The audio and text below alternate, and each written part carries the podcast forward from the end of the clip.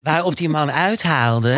Oh, echt? En eh, ik werd afgevoerd met een eh, bloedneus. Later bleek dat ik een gebroken neus had. En toen is er echt door mijn hoofd eh, geflitst. Dat het eerste wat ik dacht is: oh, ik moet nu snel mijn make-up bij doen. En ik moet weer dat podium op, want anders durf ik nooit meer.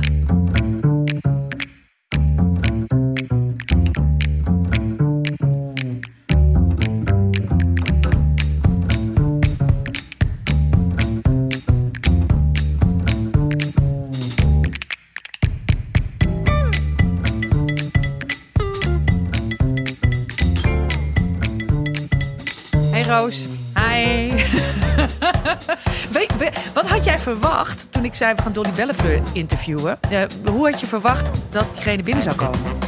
Nou, ehm, of als Dolly of als Ruud bedoel je? Ja. Want de meeste mensen, als ik dat zeg, die verwachten meteen dat ehm, ehm, Dolly in vol ornaat binnenkomt. En als je Ruud ziet, is het natuurlijk gewoon een hele, hele, hele eh, leuke, vrolijke, eh, aardige jongen. Eh, waar je niet meteen aan afziet hoe geweldig spectaculair het, hij Mhm. er ook uit kan zien. Nou, wat ik wel heel bijzonder vond, is hij deed hier de deur open, want wij waren allebei te laat. en eh, hij was eh, echt goed ruim op tijd. Hij was Ja. een kwartier eerder gekomen omdat hij erg nerveus was. Ja. Hij had een nacht niet geslapen ook Ja, hiervan. vond het heel spannend. Ja. En eh, hier bij Dag en Nacht Media zijn heel veel vreemde mensen die je niet kent. Maar toen hij de deur opendeed, zag ik wel in één oogopslag. Dat het dat was? moet Dolly zijn. Oh, grappig, dat wel. Terwijl, Ja. ja. ik herken hem natuurlijk helemaal niet zonder Nee. zijn mooie haar en jurk. Nee. Dus dat was wel bijzonder. Dus ik, eigenlijk had ik geen moment tijd om na te denken Nee. over Nee. eh, hoe zal hij of zij zich presenteren vandaag. Ja. Ja, wat ik, wat ik, ik ben, ik vond het gesprek, eh, eh, ehm, ehm, ik ken Ruud al wat langer, maar ehm, ook weer niet zo goed. Maar ik vond het heel mooi, omdat het zo'n tegen de klippen op gesprek is. Mhm. Het is iemand die heel veel show brengt in het, in het leven en heel veel de boel aankleedt, letterlijk en figuurlijk, Ja. met stickers, met hartjes, met een pruik, met weet ik het allemaal niet, en met grappige liedjes en met veel geschaterlach. En eh, dat is tegelijkertijd ook eh, omdat het leven hem niet altijd even makkelijk afgaat. Mhm. En dat er ook een behoorlijk eh, melancholieke, zwaarmoedige kant aan zit. En als je dat weet, dan, dan, dan ehm, eh, is alles wat je daarna weer ziet van hem, heeft nog zoveel meer diepgang. Dat is, vond ik heel mooi. Ja, ik vond het heel mooi omdat ehm, normaal gesproken hij Dolly nodig heeft om het over zichzelf te hebben. Ja. En je merkte ook eh, dat hij het lastig vond. En het voor ons heeft gedaan. Ja. Eh, en met ons bedoel ik eh, jij en ik, maar ook jij thuis. Kom maar Ja. even wat dichterbij. je. Ja, kom bij ons. Nee, maar dat is wel waar, inderdaad. En, dat vind ik eh, heel bijzonder En van iemand. eh, we hebben, we hebben eh, echt eh, he- de hele mens gezien, denk ik. eh, zonder eh, eh, op smuk. Mhm. En dat was, eh, dat was heel mooi. Je gaat luisteren naar het gesprek wat we hadden met Dolly Bellefleur, oftewel Ruud Damme.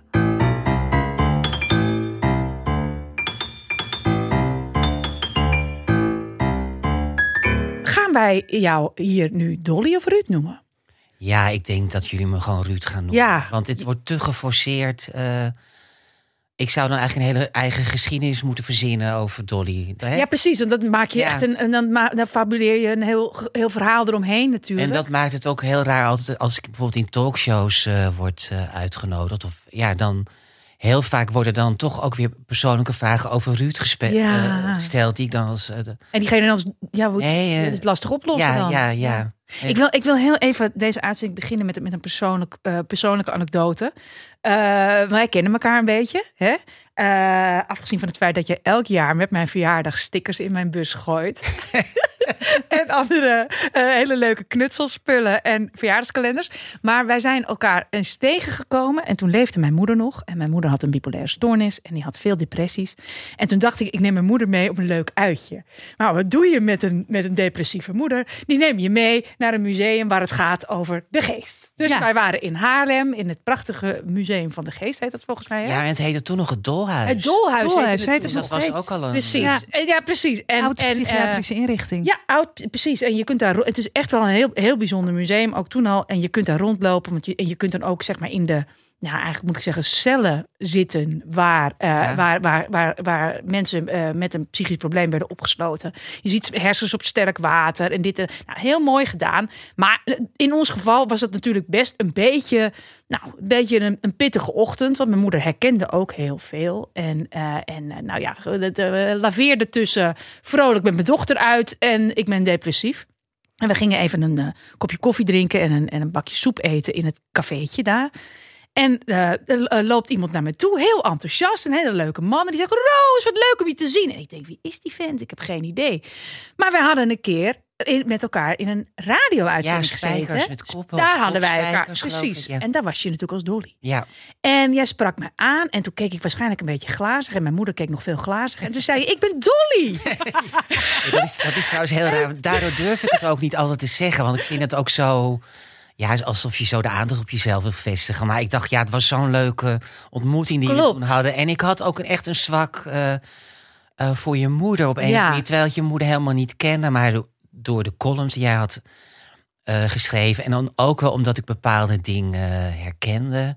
Nou, het- wat, zo, wat zo bijzonder was, dat, dat nou, we hadden een heel leuk gesprekje en dit en dat. En jij ging weg en ik ging met mijn moeder terug in de trein naar Amsterdam. En ik zei tegen moeder, weet je wie dat was? En zij zo, nee, nee, geen idee. Wat een lieve jongen en dit en dat. Ik zeg, nou, dat is Dolly Bellefleur. Je weet wel, die ken je wel. En mijn moeder vond dat fantastisch. Ook houdt, hield ontzettend van aankleding, opsmuk, een beetje theatraal. Ja. Nee, en dit en dat. En oh, maar wat bijzonder. En dit en dat. En toen, en toen, toen staarde ze uit het drama. En toen zei ze, ja, we hebben allemaal ons eigen verhaal. En niks is gek. Ik zei, ja, daar komt het eigenlijk wel op neer, lieverd. Niks is gek. En dat vond ik toen zo ontroerend. En het was zo'n ges... Ja, Ja, ik merk nu ook nog. Ik, ik denk dat ik ook. eh, eh, ik was ook best wel geconfronteerd door jullie vraag. eh, die we nu vandaag gaan Ja. beantwoorden. Ik kwam erachter dat ik zelf. Dat wist ik natuurlijk ook wel. Maar nu werd ik extra met de neus op de feiten gedrukt. Dat ik van nature helemaal geen vrolijke Frans ben. Ik heb ook wel mijn. Eh, melancholische, eh, noem ik dat altijd maar, periodes. En dat herken ik ook wel in je moeder.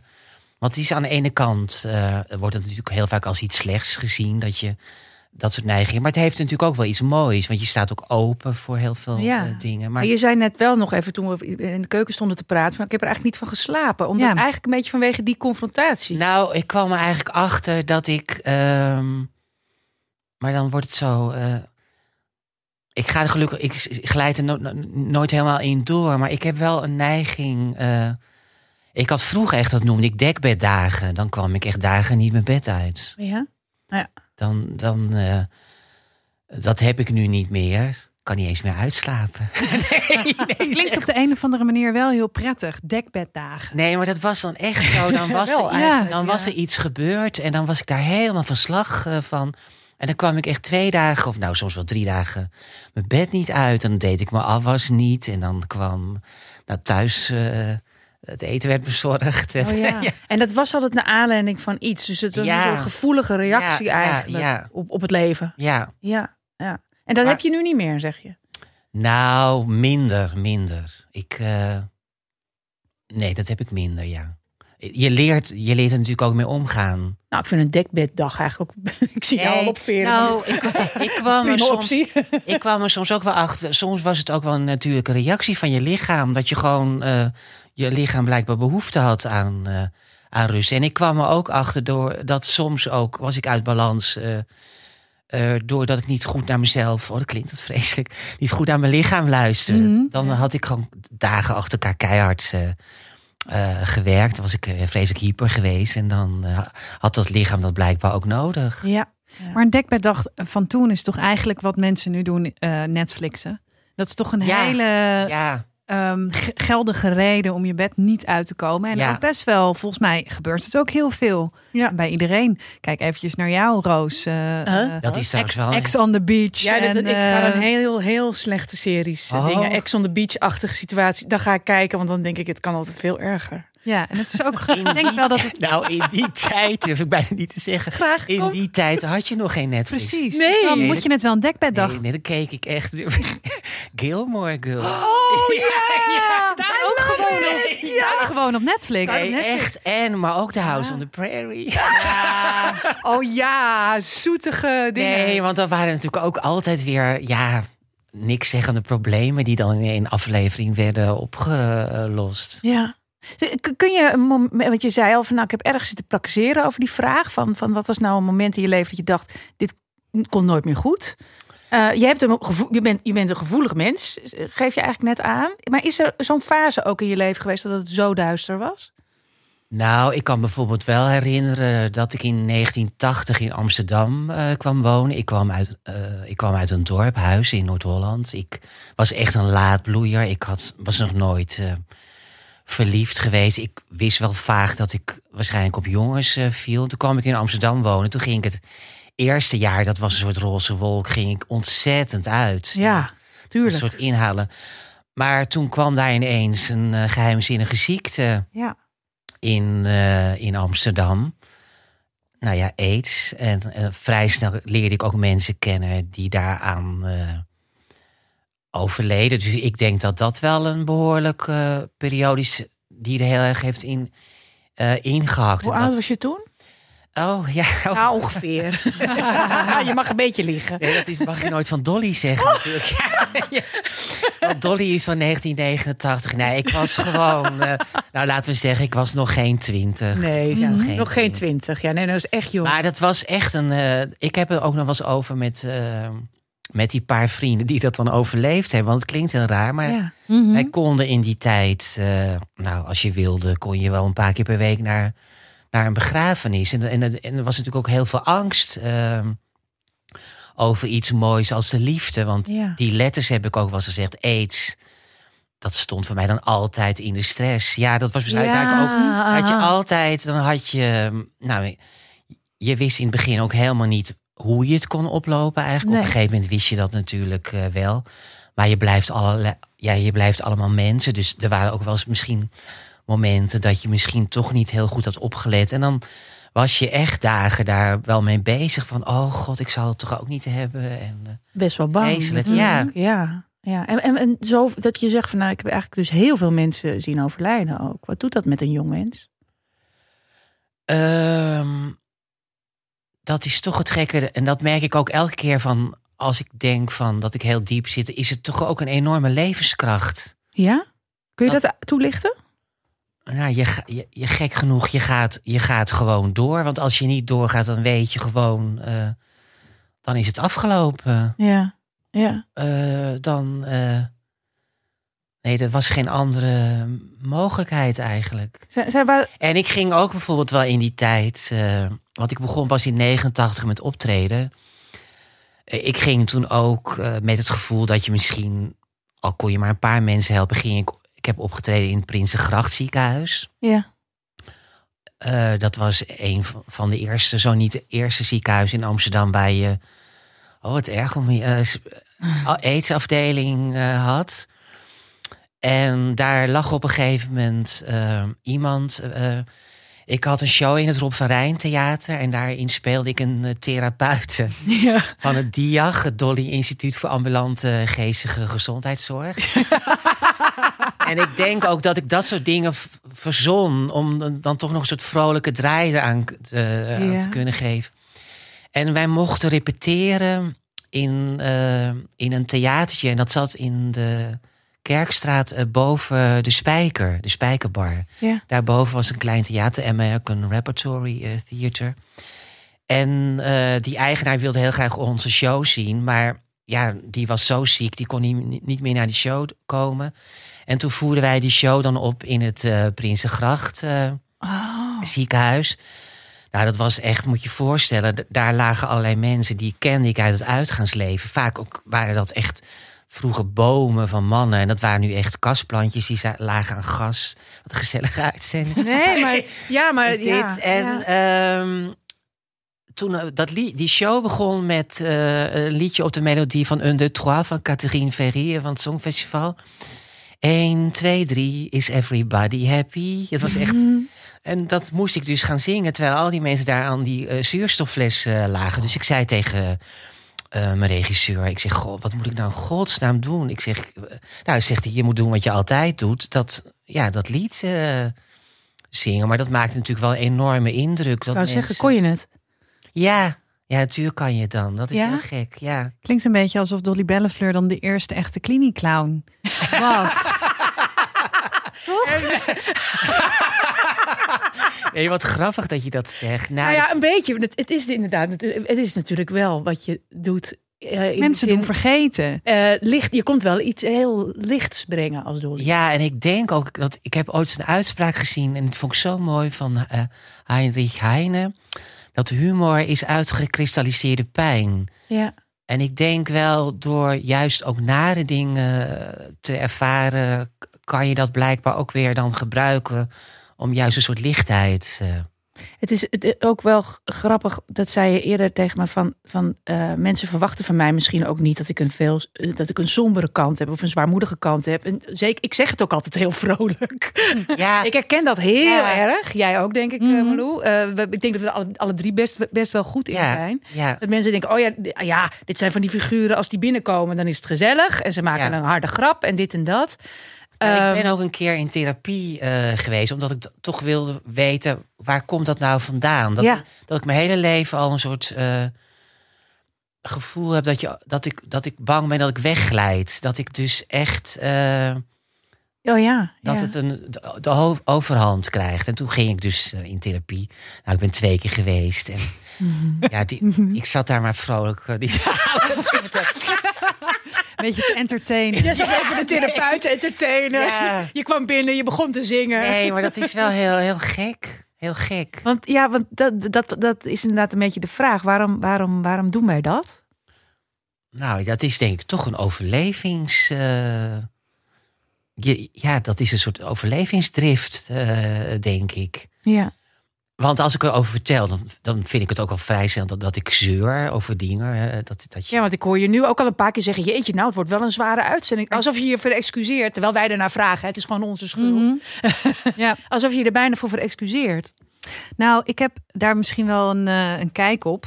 Ehm, helemaal, ik wil mezelf helemaal niet vergelijken met eh, de jaren tachtig, wat daar is gebeurd. Maar je bent wel overgebleven. Je bent, je bent degene die. ja, ja. Het is jou niet gebeurd. Dus ja, is, dat is heel dat- goed dat je dat zegt. en het is iets heel anders dan. eh, er is jou wel iets gebeurd. Jou is niet dat gebeurd, maar wel iets. En dat heb, eh, heb ik zelf ook meegemaakt. Dat ehm, ik fiets naar school eh, met iemand en diegene verongelukte. Oh, En dat vond ik ook altijd heel lastig om dat eh, mijn pijn eh, te laten zijn. Want ik was er toch nog. Ik Ja. had geluk. ja, ja, ja. Ja. En dat is dan heel erg, ehm, wat is geluk en wat is ongeluk? En wie, wie heeft er nou geluk in zo'n situatie? Ja. er zit natuurlijk wel? ook een taboe op je eigen pijn. Maar er zit Ja. ook schuld bij. Er Ja, schuld schuld zeker. bij. Terwijl ik natuurlijk helemaal geen. Maar er zat, er zat ook echt schuld bij. Een soort schuldgevoel. Toevallig hoorde ik dat laatst iemand zeggen dat daar ook een survival loss syndroom. Dat, dat Mhm. schijnt een woord Ja, eh, voor te zijn. Dat, eh, hè, dat is ook een hele andere situatie. Maar dat, dat hebben ook bijvoorbeeld. eh, kunnen mensen hebben die bijvoorbeeld een, een kamp hebben overleefd. Mhm. Dat je dan een soort een schuldgevoel hebt dat jij dat je dat hebt eh, eh, overleefd. ja dat Maar je is, geen is, pech hebt is gehad. jouw, jouw entertainende kant en jouw dolly kant, zou ik maar zeggen, is dat ook wel. Heeft dat zijn wortels hierin, denk je? Weet ik eigenlijk niet. Of, Of zou dat anders ook misschien niet zijn geweest wat je had gedaan? Nou, ik heb als kind wel eh, opgetreden in een kinderkoor. Dus ik, het was al, altijd al duidelijk dat ik wilde gaan optreden. Toen heb ik het heel lang, eh, eh, nou, niet meer eh, eh, gedaan. Dus dat mijn ouders echt dachten van, komt het nog wel goed? Oh ja, oh ja, oh ja. Want? Nou, ik had echt 12 ambachten, 13 ongelukken. En ik begon overal heel enthousiast aan. Ik heb kunstgeschiedenis gestudeerd. Ik heb op een reisbureau gewerkt. Ik heb een hoge hotelschool eh, gedaan. En altijd begon ik er heel enthousiast aan. En dan op een gegeven moment was toch de... Ja, nou nee, dit is het toch niet. Nee, je kon het niet vinden. Ik kon het niet vinden. Dus ik wist altijd wel dat het, dat het optreden iets was. Nou, het zou kunnen. Dat, dat, er zit wel iets in van dat je, al is het maar een paar mensen, Ja. eh, misschien een lichtpuntje eh, kan geven. En jezelf niet te vergeten. Ja, ja, dat stipje aan de horizon. ja, ja. Ja, ja. Zijn er, ik, je hebt, je hebt een heel mooi lijstje Nou, voor nee, ik. af en toe zit te spieken. Want ik zat te denken van, wat zijn nou echt momenten gedacht... eh, geweest dat ik dat dan echt dacht. Maar ik heb ook bijvoorbeeld een keer opgetreden in, eh in Assen-Delft. Het was vrij in het begin. Ik Ja, denk, dat komt sowieso van tevoren al niet meer goed. Als Nee, het dat is wel heel erg. Nu, Ik- nu, ik- nu nemen we een afslag. Ik ben café- daar. Ja. Café de Pimpelaar heette het Ah, ook. ja, ja, ja, ja. Huh? En eh, ik had toch heel weinig ervaring. Ik denk dat, dat ik twee jaar optrad. En ehm, eh, daar stond een man bij het podium. En die had lang haar. En die vond zichzelf ontzettend eh, knap en leuk. Mm. En ik had die grap wel eens eerder gemaakt. Ik zei tegen die man van... Goh, wat zie jij er mannelijk uit? Mhm. Je moet alleen je haar opsteken. Mhm. Waarop die man uithaalde. Oh, echt? En eh, ik werd afgevoerd met een, eh, bloedneus. Later bleek dat ik een gebroken neus had. Nee. En toen is er echt door mijn hoofd eh, geflitst. Dat was eigenlijk het eerste wat ik dacht. Ik dacht het, het eerste wat ik dacht is: oh, ik moet nu snel mijn make-up eh, bij doen. En ik moet weer dat podium op, want anders durf ik nooit meer. ja. Oh, wat goed dat je dat dacht. nou, dat ook. was. Ik denk dat dat ook een soort overle. Dat is denk ik toch een soort levensdrift. Dat ik Maar dat, is wel, dat, dat is wel sterk, vind ik. Er zijn natuurlijk ook zat die denken van nou, Ik denk- eh, doe mij maar mijn, mijn hele leven onder het dekbed dan. Eh, Ik ga, niet, ik ga niet meer een podium op. En het grappige was, of het tragicomische was, ik moest mijn make-up doen in de keuken van de eigenaar van het eh, café. En dan moest ik daarna door een gangetje. En in dat gangetje stond een eh, stofzuiger. En dus ook een stofzuigerstang. En ik ben dus teruggegaan op het podium. Ik heb echt een soort, soort Dolly de, de Neelvisk, eh, de viking. ja, echt. Ik heb echt twee liedjes nog gezongen, maar die heb ik echt alleen maar gezongen eigenlijk voor mezelf. Zo van, nou echt. En ook met dat ding hand. Oh, echt? Ga je nu mijn vuisten ballen. Maar echt met zo'n zo'n stoere... Ik, nou, de- ik dacht, er hoeft maar één iemand mij aan te raken. Ja. Maar het zijn zulke ongelofelijke lompe, kortzichtige boeren. Nee, maar dit was voor mij echt een extra schok nog, denk ik. Want ik was een tijdje namelijk een soort hit. Ja. De Noord-Hollandse kermis. Ik zat bij een artiestenbureau en die boekte mij op kermis in Noord-Holland. Wervershoofd, Wognum, Mhm. Nibbikswoud, allemaal plaatsen waar ik nog nooit eh, van had gehoord. Hippolytushoef, niet te vergeten. Nee, echt waar. Eh Nooit Hippolytushoef. Ehm, en dat was echt super. Eh Mhm. Hippolytushoef, eh, daar- hoorde ik ook verhalen over. Die zelfs een liedje van een band. Ik weet even de naam niet meer. Dat het echt te erg voor woorden is in Hippolytushoef. Maar ik... ik heb zelfs meegemaakt dat ze Dolly Lookalike verkiezingen gingen houden. Er Oh, waren echt hele leuke... Ja. Maar dit was echt een uitzondering. En toen was dat optreden klaar. En ik voel het nu nog bijna. Toen ging ik in die keuken zitten en toen ging ik helemaal trillen. Ja. Toen was ik helemaal. eh, Mhm. Oh ja, dat herken ik wel. maar ik denk als ik dat niet had gedaan, dan was ik misschien nooit meer dat, eh, dat podium. Nee, dat eh, is wel fascinerend. Dat er dan dat de eerste Opgegaan. gedachte meteen is van ik, ik laat me niet klein krijgen. Ik moet, ik, moet, ik moet terug het podium ja, op. ja, En ja. pas daarna eh, eh, komt inderdaad dan de, de shock van wat is er nou toch gebeurd. En kan ik me voorstellen dat je dan daarna nog een paar dagen waarschijnlijk Ja, en van toen eh, zeiden ook ineens vrienden en vriendinnen: Nou, je moet aangifte doen. Nou, ik, ik, ik merkte echt ook zoiets raars. Dat je dat dan niet durft, omdat, je, omdat jij je schaamt, terwijl jij niks gedaan hebt. Oh, maar ik denk, echt? oh god, dan moet ik naar een politiebureau, Mhm. dan moet ik dat allemaal. Ik had helemaal geen zin in. Maar ik heb het uiteindelijk toch gedaan. Maar er is nooit iets met die aangifte. Maar wat is dan die schaamte? Nou, dat weet ik niet. Maar gewoon dat je daar dan tegen een politieagent moet. Ik weet niet waarom, maar ik had er gewoon geen zin in. Nee, dat snap Ja, ik ook wel hoor. Maar En toen heb ik jaren later, ik heb in, in 2019 mijn, mijn 30-jarige artiestenjubileum als Dolly gevierd. Heb ik een, een, een liedje erover gemaakt. En dat is getiteld Het haantje van vandaag is eh, de plumeau van morgen. En, en daar zit dan ook een, een paar regels in eh, over die man die ik dan tegenkom in café eh, Ja. De Pimpelaar. Eh, en dat ik zeg van, als, hè, dat hij zegt van steek je haar maar op. ja. Maar ja, in die zin is humor natuurlijk heerlijk om dingen te Ja. eh, verwerken. Nou ja, en is het ook wel lekker dat je wat leed hebt, want dat levert humor op. In die zin is het dan altijd een voordeel, maar als je er middenin zit, vind ik dan, dan denk je er niet zo over. Zeg is maar. namelijk een geweldig liedje van Nelleke, hoe heet Verburg, geloof ik, een cabaretier van heel lang geleden. Alleen uit leed wordt kunst geboren. Ja, nou ja, een beetje waar natuurlijk, toch? Dus het kan niet genoeg eh, zijn. Maar ik, ik, ik, hoor steeds eigenlijk in wat je vertelt, is een soort midden tussen een, een iets wat eh, overgevoelige ziel misschien wel. Dat die bang is dat hij dat hij eh, dat hij op een gegeven moment niet meer onder de dekbed vandaan wil Ja. komen, zou ik maar zeggen. En ehm, ik sta eh, met mijn pruik op, met de stofzuigerstang in mijn handen. En eh, ik sta op dat podium. En in plaats van dat ik onder de dekens kruip. Ja, ja, maar misschien is het ook wel. Het wordt nu. Ik wil, ik wil echt niet als. Oh god, het echt. Dit wordt allemaal zo zielig. Het, is- het is een soort innerlijke. Nee, maar het is een soort heel zielig. Ja. Nee, maar het is een soort innerlijke strijd. Lijkt Nou ja, dat- die hoor ik ja, heel ja, erg. Die maar, ehm, maar kijk eigenlijk om je heen. Er gebeuren natuurlijk ook zoveel dingen in de wereld. dat- Dat het niet zo gek is dat je dat eigenlijk denkt. Van, Nee. komt het nog wel goed? Ik bedoel, ja, Ja. Als je ziet. eh, En dan kan je twee dingen doen. Je kan je erbij neerleggen of toch maar proberen eh, er iets aan te doen. Ik heb ook bijvoorbeeld een tik de laatste jaren dat ik. eh, ik heb me jaren dood geërgerd aan zwerfafval. Mhm. En tegenwoordig raap ik het maar op.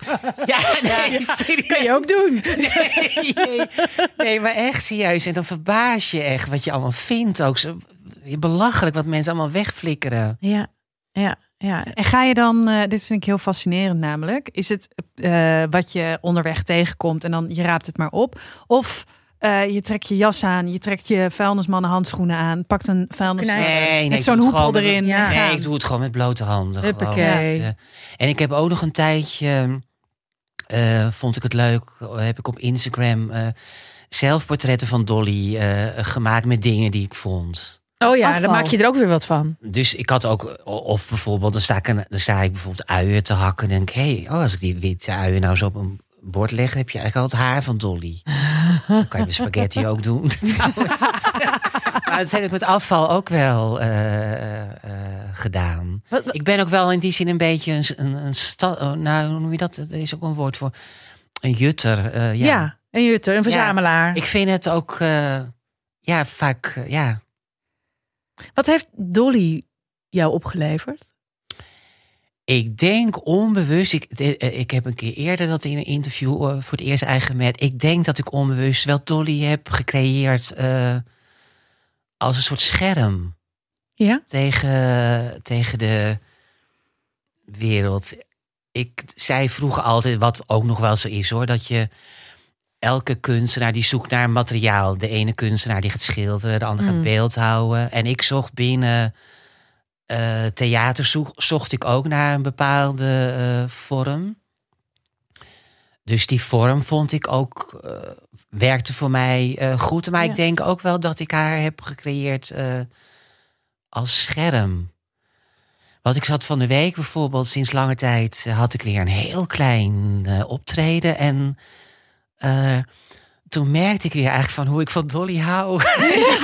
Oh ja, oh ja. ja, dat ik dan ineens ook dingen eruit flap. Ik denk van, dat zou in het dagelijks leven zou ik er zelf nooit uitflappen. Ben je voorzichtiger? Dat weet ik niet. Maar Dolly heeft in die zin wel, eh, is, ja, die, ja. Voel je je ook eh, eh, eh, anders zodra je die pruik opzet en, en de hele, hele maquillage doet en zo? Want het, het, het- nee, maar je bent niet in een kwartiertje Dolly, denk ik zomaar. Nee, de loop der jaren moet je eigenlijk een, dag van tevoren beginnen. Dat hebben wij ook. maar nee, maar dat, dat, dat, duurt even, toch? Ja, maar dat is ook het mooie. Want dat is ook een soort. ehm, eh, ik vind het juist wel fijn. Dat is een soort concentratieoefening of zo. Dan Oh ja. kom je Mhm. een beetje eh, tot rust. Of kom je, dan daalt die dolly als het ware eh, in je neer. En, en wat, wat daalt er dan in je neer? Ehm, ja. Ja, ik ik vind het leuk. eh, En misschien, ik heb natuurlijk ook wel eens als Ruud opgetreden. Maar ik vind het toch met Dolly dan anders. Je, het is een soort pingpongen ook. Er gebeuren dingen en dan lijkt het net alsof ik als Dolly dan sneller reageer. Ja? Ja, Omdat je durft, denk ik. ja ook denk ik. Ja, ja. En ik denk ook, omdat het met Dolly gaat het altijd goed. Ja, ja, ja. ja, ja. Ja, ja.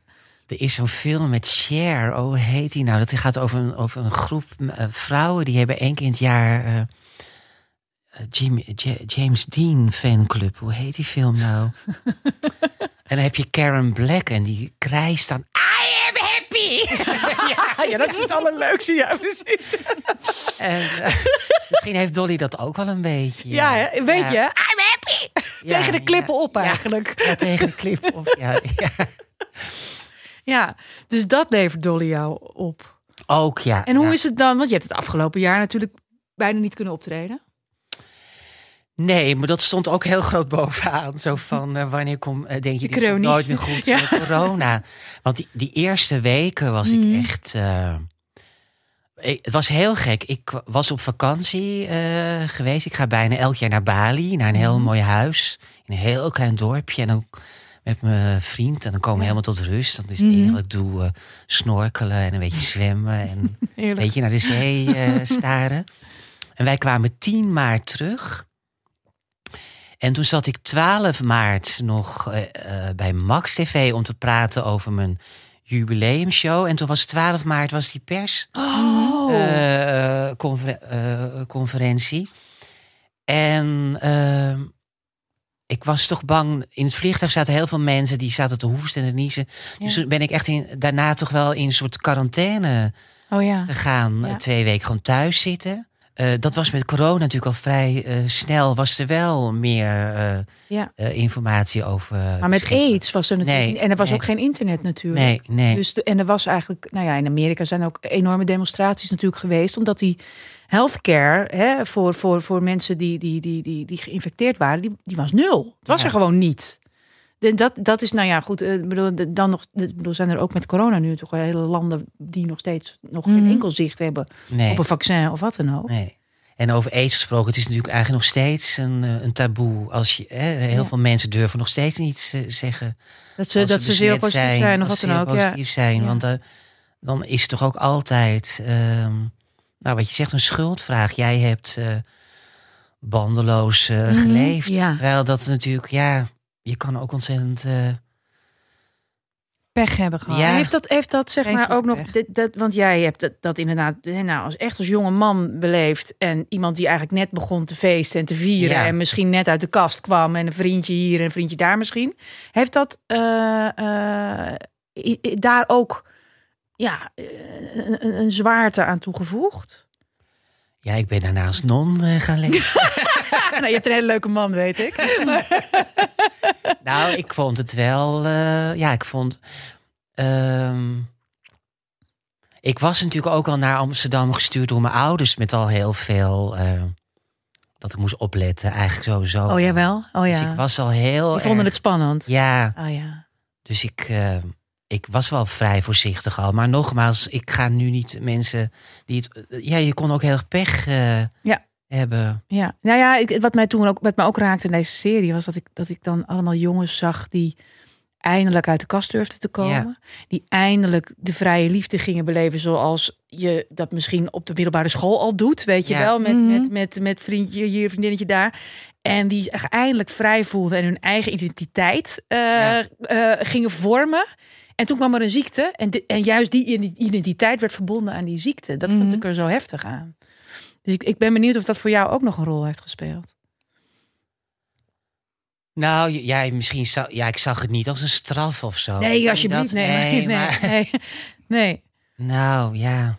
Ik, En jij bedoelt met eh, ehm, uit de kast komen eigenlijk tegelijk met, met zo'n aids-epidemie. Oh, Ja, dat dat- bedoel ik. ja, Ja, dat bedoel ik. linkt, dat het Oh. link aan werd elkaar. gelegd, inderdaad. ja, nou, dat Ja. heb ik niet zo eh, eh, ervaren. En ik merk ook, gek, je hebt ook misschien wel dingen weggestopt. Je ging gewoon maar door eigenlijk. Want in 1996 kwam er pas een, eh, kwam die cocktail er pas. Ik weet ook nog trouwens dat ik in die periode dat ik naar New York ben eh, geweest. En daar zag ik voor het eerst, dat zal ik ook nooit vergeten, de eerste eh AIDS-patiënten door de medicijnen en zo ehm, werden ook heel mager. Ja. Dat, dat, dat, Ja. dat was iets. eh, en toen zag je echt de dood rondgaan. Dan liep je door New York en dan zag ik mensen, oh, die hebben het ook. Dat Je dacht zag het gewoon. Dat zag ik dan. Zag die, die, die, die Ik magere vond ook heel erg dat ik het dacht, maar ik zag het dan Ja, gewoon. dan is het opeens overal om je heen of zo. Ja, Raar En is dat dat. is ook als je denkt aan, tenminste, dat is mijn eerste herinnering aan dat ik begreep wat het was. Ik was, veel, was dan iets jonger, eh, maar dat was René Klein. Ja, tuurlijk. Ja, Die lag natuurlijk. natuurlijk ook eh, Die gaf er natuurlijk op een gegeven ogenblik een gezicht aan. Ja, ook heel moedig natuurlijk dat hij dat eh, eh, gedaan heeft. Ja. Het heeft er niks mee te maken, maar nu je nee klein eh, zegt. Ik heb ooit, kan ik me ook niet voorstellen dat ik het gedaan heb. Ik heb ooit auditie gedaan voor een eh, jongensband. Ik vind het heel leuk. Ja, Bam to bam bam. dat weet ik nog. Ja, Bam to Bam Bam. Eh, het was echt. eh, Volgens mij heb ik het nog nooit verteld. Oh, aan- vertel. Ik vind het Dat was leuk. nog net voor Dolly. Toen was ik zo zoekende. En toen stond ik ingeschreven bij een, eh, bij een bureau. En die zeiden, je moet echt de auditie eh, gaan doen. Volgens mij was het bij, via Hans Kemna was de auditie. En eh, stel je toch voor dat ik in een jongensband terecht Ja? was gekomen. Nee. In Bam to Bam Bam. Maar daar, daar zat René Klein natuurlijk Ja, ook in. Want die ja. hebben toen nog meegedaan aan de voorronde van het Songfestival. Oh ja. Laat me dan maar doen dan. Nou, dit is ook wel een tekst, jongens. Dat, eh, was dat een liedje? Laat me dan Ja, maar ja. doen dan? Jazeker. Van Bam to Bam Bam. Nou, dan vraag je. Maar-. Ja, dan vraag je wel echt, echt, echt op problemen. Bam, bam. Maar, maar Ja. over René Klein was het natuurlijk Ja. heel goed dat, dat het een gezicht eh, kreeg. Mag ik daar wat over vragen? Want je zegt dat je toen in die periode eigenlijk ehm, gewoon niet over nadenken en maar doorgaan en maar doorgaan. Is het dan niet zo dat als het dus nu zoiets vergelijkbaars gebeurt, dat zo'n wond die je hebt, die je hebt opgelopen als kind, eigenlijk als puber, dat daar toch wel weer een beetje aan gekrabbeld wordt? Nou, dat is wel zo. Want begin van de coronaperiode kwam dat toch wel heel erg terug. Dan moest Ja. ik heel erg denken aan, eh, eh, aan mensen. En ook aan op. Ik heb bijvoorbeeld ook opgetreden in Huizen IJsselvliet. Dat was een vakantiehuis van het Rode Kruis in Wezep. En daar brachten eigenlijk. eh, toen was aids echt nog terminaal. Daar brachten mensen dan hun allerlaatste vakantie door. Mhm. Ja. Vaak met een partner of niet. En ja, dat mij heeft natuurlijk toch wel een enorme indruk eh, gemaakt. En toen kwamen ook die beelden wel weer naar boven van die mensen. Ja, dat waren echt kastplantjes. Aan, als, nou ja. ja, dat kwam wel weer boven. En ik, ik denk ook niet dat je dat ooit echt... eh, zie je me nu zenuwachtig plukken? Ja, ik zie het. Ja. Ik denk ook nooit dat je dat helemaal ehm, eh, kwijt eh, raakt. Maar nee. Maar het, het, je gaat door toch? Ja. ja, want dat is Vooral doorgaan. vooral doorgaan. Nee, maar dat is steeds wat eronder ligt, inderdaad. Hè. Wat er ook gebeurt, inderdaad. Wat ik net al zei tegen de klippen op. Maar je gaat dat. dat eh, is dat nu. Wat, wat zijn nu jouw dekbeddagen? Die heb ik eigenlijk niet meer. Hoe komt dat? Dat komt. ehm, ja, dan ga ik, ga ik zitten schrijven of zo. Of je hebt meer uitlaatkleppen. Ik had vroeger ook misschien nog wel. In die periode van die, van die dekbeddagen had ik ook nog niet echt een. Ja, idee hoe ik mijn creativiteit eh, kwijt kon. Dus Ah, ja. en, hè, ik kan altijd, merk ik nu, met afval een portretje maken. Ja, nou, letterlijk iets maken dus. Ja. Of eh, ja, dat eigenlijk. Oh ja. En wat ik ook heel erg in het begin van de coronaperiode had, want jij zei het al bij je introductie. eh, je kan het ook nu niet meer uitknippen. Ja, maar je wil niet weten wat ze allemaal in die introductie Nee, hebben. dat- ik vind het op een of andere manier heel erg leuk om mensen kaarten te sturen of Ja. briefjes. Je in bent, de je bent heel attent. Ja. nou, ik weet niet of, of het attent is, maar ik vind het zelf ook leuk. Ja. Nee, maar dat, ja, het is attent en zelf leuk. vind ik het echt. eh, ik heb zelf ook daar de spanning dan van. Vind ik het leuk om iets in de deur te gooien bij iemand. Want dan krijg je zo'n envelop in de bus. Ik kan het iedereen aanraden, jongens. Die eigenlijk te dik is, die er net niet Ja, goed in ja, kan. ja, En dan staan mijn kinderen al om me heen. Want ze weten inmiddels ook wel van... Oh, oh, oh. Ja, Dolly heeft waarschijnlijk iets, iets, iets door de brievenbus gepropt. En dan maak je het open en dan valt daar een soort... Ja, confettibom uit met stickers en, en, en letters. En, en dat je iets kan vouwen en dan wordt het een pinguïn die wiebelt. Ik verzin maar wat, maar dat kan allemaal, zeg maar, in dit pakketje zitten. En dat is fantastisch. Ik kan me Want voorstellen dat je daar ook, zelf blij van wordt. Dolly eh, misschien ook wel dat je dat je, je kind blijft eh, Ja. eh, koesteren. Want het is toch een soort... En bij hoeveel mensen doe je dit? Je bent toch een soort confetti-kanon, jongen. Nee, maar ik vind het leukste ook... Nee, maar ik vind het leukste ook vooral... eh, ook soms ook stuur ik naar organisaties eh, brieven. En dan doe ik expres eh, hartjes erop plakken. Wat voor brieven stuur je dan? Ik heb ook wel eens naar de Belastingdienst. Ja, nee. hoor. Bij je bezwaar, dan plak je Nee, er wat want, bij. eh, toen ik, eh, en helemaal vond ik het leuk toen ik hoorde dat, het, dat soms ook wel eens machines vastlopen door dat soort. eh, was het ook een soort kleine rebelse daad. weet je. Heel leuk. Nee, maar ik vond het gewoon leuk, want het wordt natuurlijk niet verwacht van een eh, volwassen man dat hij nog. eh, en ik vind het dan ook heel erg leuk om naar een winkel te gaan en dan weer zo'n zak van die foamhartjes eh, Ja. te kopen en dan gewoon lekker tutten en frutten. Maar jij kleedt de boel aan. Dat is wat je doet. Nee, maar ik, ik noem het ook altijd een soort eh, correspondentiedag. Dan heb ik een dag in de week. Meestal maandag. Dan ga ik daar gewoon een beetje zitten tutten en frutten. Ja. Met kaarten en weet ik veel wat allemaal. En dat houdt misschien ook wel de zwaarmoedigheid een beetje buiten de deur. Ja. Je kleedt de boel aan. Ik wil wel Ja. eventjes iedereen oproepen dat mocht je nog eh, ehm, post iets moeten posten naar de Belastingdienst. Flikker er alsjeblieft een zak hartjes Ja, eh, maar van, in. laat, laat heel Nederland dat doen. Laten we de Dolly-beweging beginnen. Ja, precies. inderdaad. Alles richting de Belastingdienst. Ja, ja. Nou, en het is op zich natuurlijk een kleine moeite. Hè? Maar je merkt Ja. ook hoeveel mensen eh, ook plezier aan eh, Ja. Ja. beleven. Ja. Ja, maar dat is dus ook toch de behoefte die je er steeds invoelt ook om, om wat lolligheid aan te brengen. Ja. Vind dit toch wat. Wanneer is de laatste keer dat iemand eh, iets voor jou heeft gedaan waarbij jij je zo speciaal voelde? Oeh, oh. God, mijn man luistert ook mee. Oh jeetje. Nou, ik heb bijvoorbeeld ehm, ook in de coronatijd een heel leuk contact gekregen met mijn eh, bovenbuurvrouw. Ik woon eh, in een flat op de zesde verdieping. Zij woont op de achtste eh, verdieping. En dan elke ochtend hoor ik een pliepje. En dan zet zij een, een koffie in het trapportaal. Ja, Oh, echt? dus dat Oh, ja. vind ik gewoon bijvoorbeeld heel leuk. Ja. Want zij, was, zij is in de tachtig, dus zij durfde in die tijd niet naar buiten te komen. En dan deed ik voor haar wat boodschappen of zo. En dan zette zij voor haar deur een koffie voor mij. Zo lief. Dat vind ik spe- speciaal. Ja, jee. Ehm, ik heb een vriendin, dat is echt heel speciaal. Ehm, eh, die weet dat ik soms niet. eh, nou, dat ik gewoon te lui ben om te koken.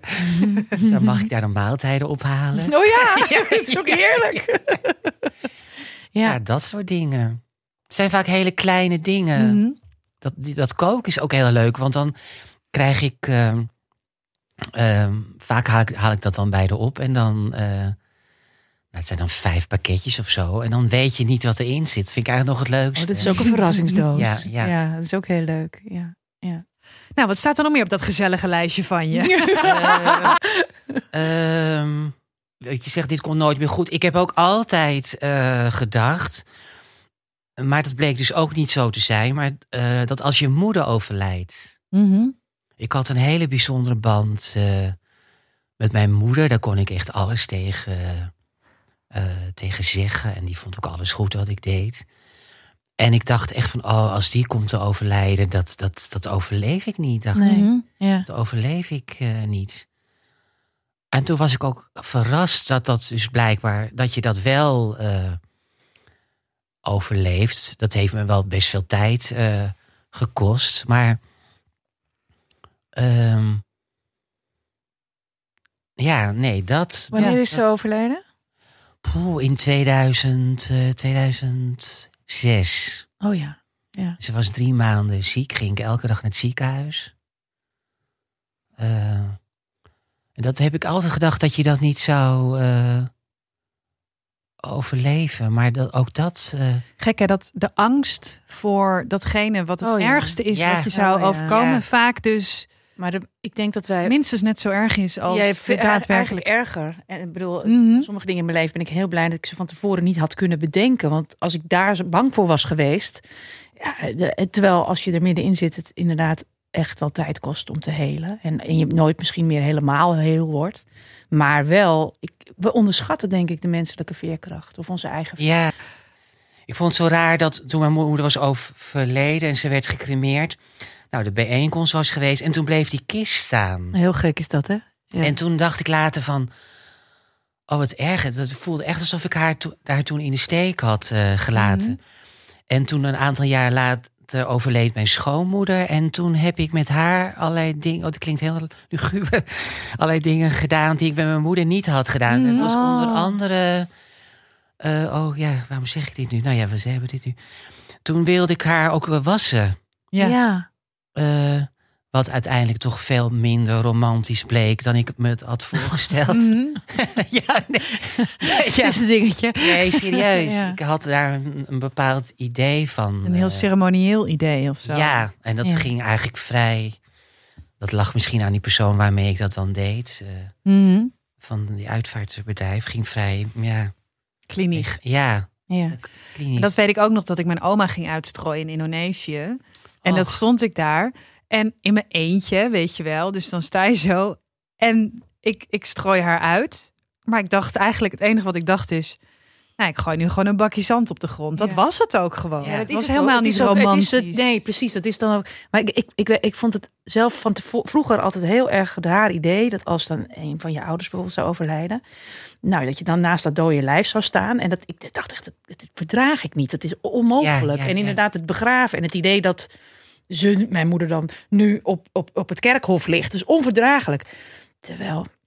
Ik weet niet, dat heb jij misschien ook wel ervaren. Als iemand dan gestorven is, dan sta je naast iets wat die persoon eigenlijk al niet meer is. Nee, en het nee. wordt ook een soort, ja, bijna een rubberen pop of zo, voor, voor mijn gevoel. En op de, dat hielp wel om daarmee dan afscheid te nemen van, van, van de lijfelijkheid van, Mhm. van iemand. Want je kunt natuurlijk niet meer knuffelen en omhelzen. En de warmte, de letterlijke warmte gaat uit het lichaam natuurlijk. Ehm, dat hielp wel, maar ik had nooit van tevoren me kunnen indenken hoe vervreemdend dat is. Dat je dus opeens een soort ding bent. Ja. Mhm. Dat is een ding. Ja, En ja, Wat dan heel- was je een ding. Dat is ook gek. Wat heel confronterend was met de dood van mijn moeder. Mijn moeder bleek een eh donorcodiciel. eh of die Mhm. donor te zijn. En ik dacht, ja, dat is ook raar eigenlijk. Maar ze was zo ziek geweest. Dus je, je denkt dan eigenlijk, wat kunnen ze nou eigenlijk nog van iemand? Ja. Maar toen Mhm. bleken ze dus haar hoornvlies. eh, Ja. En dus zij kwamen daar en toen lagen er met al watten op haar ogen. Oh. oh, dat is wel gek. Eh, maar later gaf het toch troost. Want doordat zij dat. Ja, dat heb ik natuurlijk ook later. Gaat zo'n zin dan door je hoofd. Maar het gaf toch troost. Doordat zij, haar- dat, doordat zij haar ogen sloot. Hmm. kon iemand anders weer zien. Want ze Ja. hadden Mhm. dat dus Ja. gebruikt. Dat is ook heel mooi. Ja. Maar ik vond het wel weer heel onzorgvuldig dat ze ons daar niet hadden op voorbereid. Dus dat je ja. daar dan komt en dan. eh, eh, oh, ik vind eigenlijk interviews altijd zo raar. Want ik merk eigenlijk dat ik zo chaotisch ben. En nee, het is helemaal niet Nee, helemaal dingen. uit. Het is juist, eh, maar dat is het, het grappige. Het hangt ook allemaal, het klopt ook allemaal bij elkaar of zo. Ja, ik, ik heb dus ook een keer, mijn eh stiefopa was overleden. En eh, die heeft heel lang Alzheimer gehad. En eh, die, die op een gegeven moment, eh, daar hebben ze in dat verzorgingstehuis gewoon een hele grote bak met allemaal gebitten. Want die worden daar de hele tijd, oh, ja. die zijn daar de hele tijd kwijt Ja, en zo. ja, ja. En op een gegeven moment denk je gewoon als je daar komt, nou geef mij een portie maar aan Vicky. Eh, hier heb je een bakje vla en eh, over een uur ben je toch wel weer kwijt. Want het zit niet lekker bij die mensen. Nee, nee, en nee. eh, die zijn er klaar mee. Dus oké, prima, dan zijn wij er ook klaar mee. Dus het laatste paar jaar had hij nooit meer gebit in. Dus dat was ook een beetje het beeld geworden Oh, wat je ja, van ja, iemand ja, ja, hebt. En toen eh, werd hij opgebaard. en ik weet nog, dat was vlak bij mijn ouders huis. En eh, onze familie, veel zussen, veel halfzussen. Het was de stiefvader van mijn moeder en bla bla bla. Dus veel geregel, veel meningen, veel eh, ego's. En dus werd dus gezegd, opa ligt daar bij Assenburg, heet dat dan. En eh, Dus ik, helft. ja, vlakbij Assen, naast Assen Delft inderdaad. En eh, die zei, hadden ze gezegd, wil jij dan eventjes kijken? Gewoon, kan jij heel even checken? Want ik was daarbij in de buurt en ik vind dat helemaal prima. Ik heb ook mijn oma de snor nog eventjes geplukt voordat de klep dicht ging. Weet je wel, dat was allemaal goed. Dus ik ging daarheen. En eh, dus ik kijk zo in die kist en ik dacht, ja. Hadden ze dus dat, dat hele smalle bekkie van hem. Ja. En hadden ze zo'n plaat ingezet. Zo van, nou, dan, dan lijkt het weer of meneer tanden eh, had. Maar dat werd een soort van, ja, Hannibal Lecter-achtige Eeuw, oh, dat is heel Oh. eng. situatie. Dus, maar ik, ja, ik toch een beetje zo. ik dacht, oké, ehm, dit wordt morgen het gezeik met de, de, dat wordt gedoe hier. Dus ik denk dat ik dit beter nu hier kan oplossen. Dus Eh, Dus ik- en dus ik zei tegen mijn moeder van, ja, ik, ik belde van, ja, opa, het ziet er een beetje anders uit. Dus, eh, en ik was daar alleen. Dus mijn moeder zo, ja, hoe dan? Ja, eh, ma maak even een foto. Maak even een foto. dus ik zo, ja, over die, gewoon die kist zo. En toen dacht ik, zal ik een selfie maken zo met, nee, normaal. Dus heb ik een foto gemaakt dus van hem. En dat zo doorgestuurd. En eh, nou, dus zij inderdaad ook, nee, dat moet eruit. Dus dan maar eh, met dat eh, kleine mondje. Maar zo herkenden we hem, dat kleine mondje. Nou, oké, dat is goed.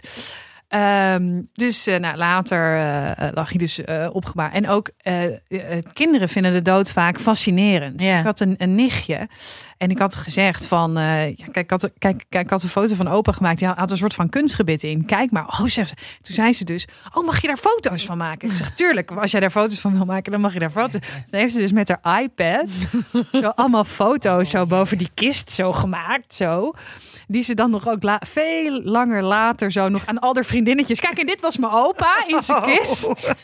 Je, ik heb, je kijkt eigenlijk nooit terug. Heb jij toch wel eens Wat? Nee. foto's gekeken? Nee, nee, ik heb een mapje in mijn computer van, van foto's dat mijn moeder eh, in Ja. het ziekenhuis lag. En die, lag, nou, die was gevallen op haar hoofd. Dus dat, Ja, haar hoofd ja. was kaal geschoren en een enorm litteken en helemaal blauw, bont en blauw. Ik vond het toen heel belangrijk om die foto's te maken, maar kan ze niet zien. Nee, nee, niet. nee. Hebben we nog een leuke afsluiter? Ja, ik, heb nog, ik had nog een dode opa. Ah, doe maar. En ehm, toen lagen we, nee, dat was, eh, was ook in het eh, mortuarium of het afscheidshuis. En eh, mijn opa, die lag en was heel mooi thuis gestorven. En toen lagen we en stonden we om de kist en dan gingen we de kist eh, dicht doen. En eh, dat was een soort van, ja, schuif de klep maar naar boven. En ik dacht, hmm, eh, de neus van opa. En ik was dat zo een beetje aan het inschatten. Dus ik zei, eh, jongens, ik denk niet dat... eh, eh, eh, Dat het past. en toen, maar ik, ik dacht, jongens, Oh, jongens. En, eh, nee. en mijn broertje die keek me aan. Oh. Die begon gewoon keihard te lachen en me aan te kijken. Hoe gaat zij dit oplossen? Zo. Eh, en toen uiteindelijk inderdaad, toen eh, moest eventjes het kussentje waar die zo prachtig op lag, moest naar beneden. Omdat, hij anders dat je het had gezien. Ja, dat. Het had zo slordig kunnen aflopen. Dat had heel slordig kunnen aflopen. ja. Ja, Dit soort verhalen zijn wel ook wel het fijnst, vind ik. Want het eigenlijk niet kan. nee, ja. Ja. Ja, ik heb een, een eh, hoofdstuk in mijn boek dat heet De koude klauwen van mijn dode oma. Eh, en daar heeft de uitgeverij toen ook nog wel heel even van. Weet je zeker dat je dit. Ja. Ja, ja nou ja, ik zei ja, dat is wel wat er gebeurde. Ja, Ja. dat is zo.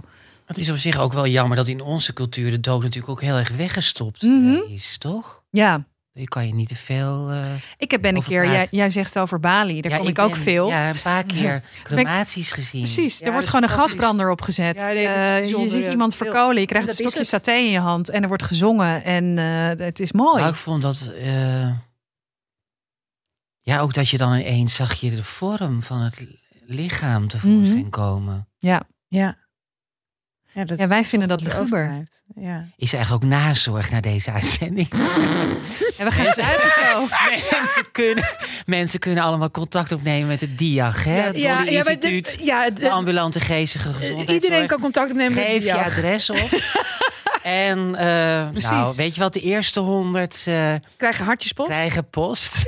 Honderd, schat. Weet je Ach, zeker? waarom niet, waarom niet? Je kan In overigens ook Amsterdam breng ik ze rond, maar jullie hebben natuurlijk door heel Nederland eh Ja. Ja, ja, en je kan ook een mailtje sturen naar eh, Dit komt nooit meer goed. gmail.com. Ja. En als je dan je eh, brief begint met lieve Dolly, dan zorgen we dat hij bij jou terechtkomt. En als je iets aan ons kwijt wil, want dat, eh, dat Lijkt me mag ook ook. wel leuk. Ja, ja, en mensen mogen ook, want we vinden het heel leuk eh, ook, eh, om verhalen van luisteraars te horen over momenten waarop ze dachten: dit komt nooit meer goed. En het kan dus om te lachen en om te huilen zijn. Mhm. En vaak ook allebei tegelijk. Dat blijkt maar weer uit deze uitzending ook. Eh, die mogen ze ook mailen. Ja, en mocht je ons willen sponsoren met medicatie, alcohol, geld Nazorg, of stickers, massages. precies, dan moet je ook zijn bij eh, dit komt nooit meer goed at gmail.com. Zijn we heel soepel in, het, in, de, in, de, in de promotie Precies. beland, hè? Ja, jongens? inderdaad. Ja, geef geld. Dat is gewoon eigenlijk, wat- geef gewoon geld. en nazorg en Ja. hartjesstickers. Eh lieve schat, dank je wel. Ja. Voor het, voor het mooie, eh, ge- gevoelige verhaal ook. Echt. Je kijkt nog wat vertwijfeld. Gaat het met je? Nou, ik, ja, ja, nee. ja, ik blijf het ook al- als een raar fenomeen vinden, vraaggesprekken. Je, ja. Ja, maar ik, je hebt hele mooie antwoorden gegeven. Ik hoop het. Er zijn ook niet, eh, ja, er zijn ook geen goede of foute Het beslist niet. antwoorden. Zeker niet hier. Nee, ik weet nog dat ik in de, toen begin dat ik ik ben gewend mensen te interviewen. Toen werd ik zelf geïnterviewd. Toen liep ik weg en toen zei ik, ja, ik heb wel echt het idee dat ik de hele tijd alleen maar over mezelf heb gepraat. Ja, maar dat voelt ook heel raar. Dat Ja. is heel gek inderdaad. Ja, ja. Ik moet altijd denken aan een liedje uit het repertoire van Jasperina de Jong. Na elk vraaggesprek moet ik daaraan denken. En wat dat is? Waar gaat dat Nou, dat gaat over een, een beginnend zangeresje en dat wordt eh, eh, geïnterviewd. En het is waarschijnlijk wel heel erg geïnspireerd op eh, ja, iemand die gewoon te kakken wordt gezet eh, door privé of zo. Ja, ja, ja. Maar dat je altijd denkt van, oh god, ik, eh, ja, daar moet ik altijd aan denken, aan dat liedje. Ik denk kan je altijd- ook aan het altijd- einde van de uitzending eh, Dat liedje. laten horen. Een klein stukje laten Het horen.